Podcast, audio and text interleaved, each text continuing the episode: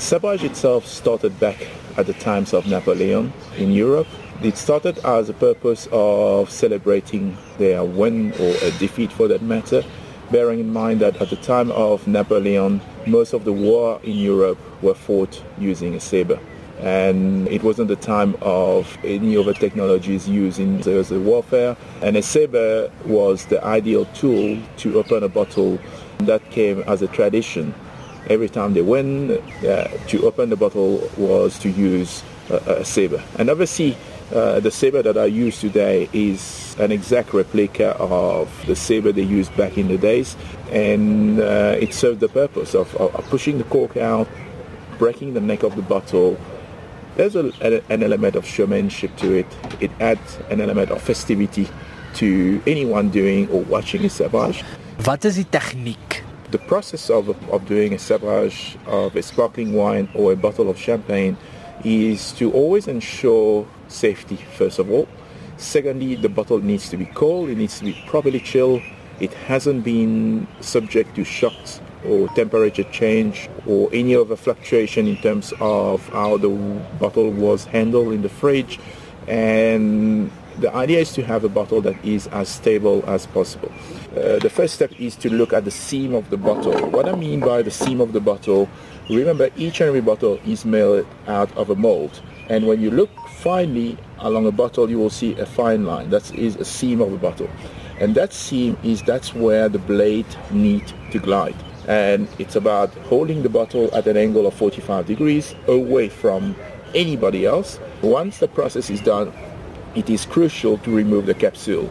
The capsule is the wire that binds the cork to the bottle. So remember, a bottle of sparkling wine is usually around 4 to 6 bar pressure. 6 bar pressure is the equivalent of the pressure inside the lorry. Hold it away from the body. On the third slide, give it a gentle knock. That's all that's required. Wat is die gevare as 'n mens dit verkeerd doen? People are always confused when they do a sabrage. They tend to hit the bottle hard. There's two things that can happen. Either the blade will, will, will, slide along the, the neck of the bottle or else because it is so high pressure and the force with it, it can break the bottle in half and that can explode in one hand.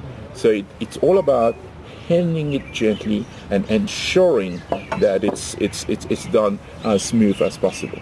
Hoe gereeld sal 'n mens aan glasstukke in die champagne dan kry? Sabrage, there is no risk of any glass particle going into the bottle itself. The reason being is the gas or the pressure inside the bottle will always propels those tiny pieces of glasses out of the way. baie mense oefen dit op hulle eie of in klein groepe. Waar doen mense dit en hoekom? Sabotage is about adding a new dimension, a new depth of celebration in terms of adding an element of mystery. And you will see sabrage, in fact, quite prevalent in Europe. In fact, there is an association of master sabrage or sabreur in Europe and it's a very close society. There is that showmanship aspect of, of, of Sabrage that add so much fun. It's almost a cool act to watch, to experience, and to try oneself. It's not difficult. It requires a little bit of practice, and obviously from there on, it's easy and uh, anyone can do it actually.